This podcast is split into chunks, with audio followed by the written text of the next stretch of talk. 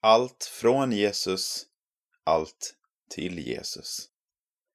En artikel av Alfred Ingmor.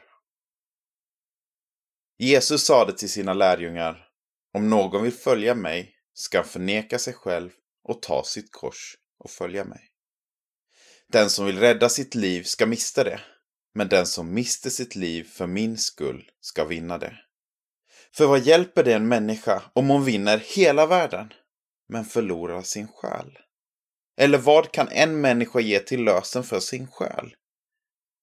Människosonen ska komma i sin fars härlighet med sina änglar. Då ska han löna var och en efter hans gärningar. Matteus evangeliet kapitel 6, vers 24-27. När vi säger följa idag tänker man lätt på att följa en youtuber eller influencer. Någon man kan lyssna på när man har lust och stänga av när man inte vill. Men att följa Jesus fungerar på ett helt annat sätt. Han säger att vi måste ge upp allt och följa honom. När man frågar någon vad den följer är det möjliga svaren många. Melodifestivalen, Linn Ahlborg, Vänner, Mustiga Mauri eller Premier League. Smakerna skiljer sig åt. Men många av oss följer och konsumerar helt enkelt mycket content. Att följa någon kan ge både underhållning och en känsla av samhörighet. Men allt detta är ett utbyte mellan oss, kunderna, och den vi följer, som säljer sina tjänster. Det kräver ingenting av oss. Förneka sig själv.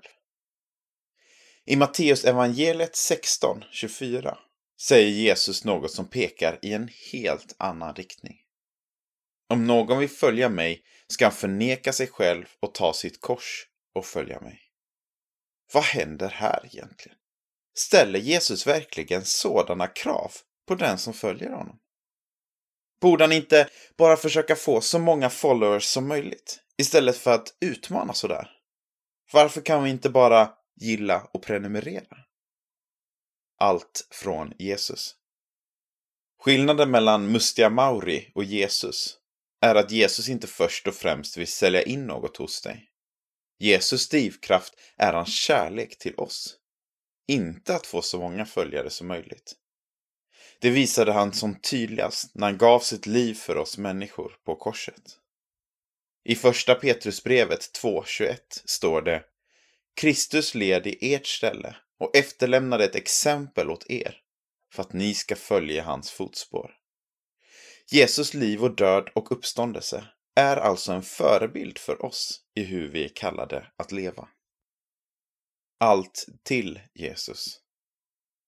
Men att leva som Jesus går ofta emot hur vi rent instinktivt vill leva. Vi människor tenderar ofta att söka vårt eget välmående framför andras. Vi värderar självförverkligande framför att älska varandra och Gud. Det är denna själviskhet Jesus vill göra upp med. Att lära oss dö bort från. När Jesus säger att vi ska förneka oss själva och följa honom innebär det att han vill leda oss bort från det som är synd till det som är gott. Gud själv. Därför kallar Jesus inte på bara 10 eller 25 procent av oss.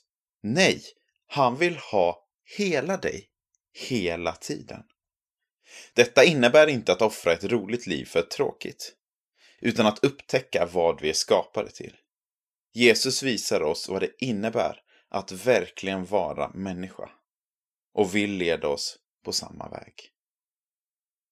Precis som Jesus. Att förneka sig själv i vardagen handlar alltså inte om att sluta vara människa, utan om att följa Jesus konkret. En del av detta är att be Jesus om hjälp att förstå hans vilja för våra liv. Vi kan be att våra hjärtan ska formas av honom, så att vi lär oss vilja det han vill. Vi kan också se i evangelierna hur Jesus levde på jorden. Hur han botade de sjuka, umgicks med de utstötta, utmanade människor som trodde högt om sig själva och älskade alla omkring sig. Vi kan möta människor på samma sätt som Jesus gjorde. Jesus dog inte på korset för att det skulle ge honom många följare, utan för att rädda dig och mig från synden och leda oss till Gud. Han kallar oss till att med allt vi är och har följa honom. Och han som först gav sitt liv för oss säger till oss att överlämna oss själva och följa honom på samma väg.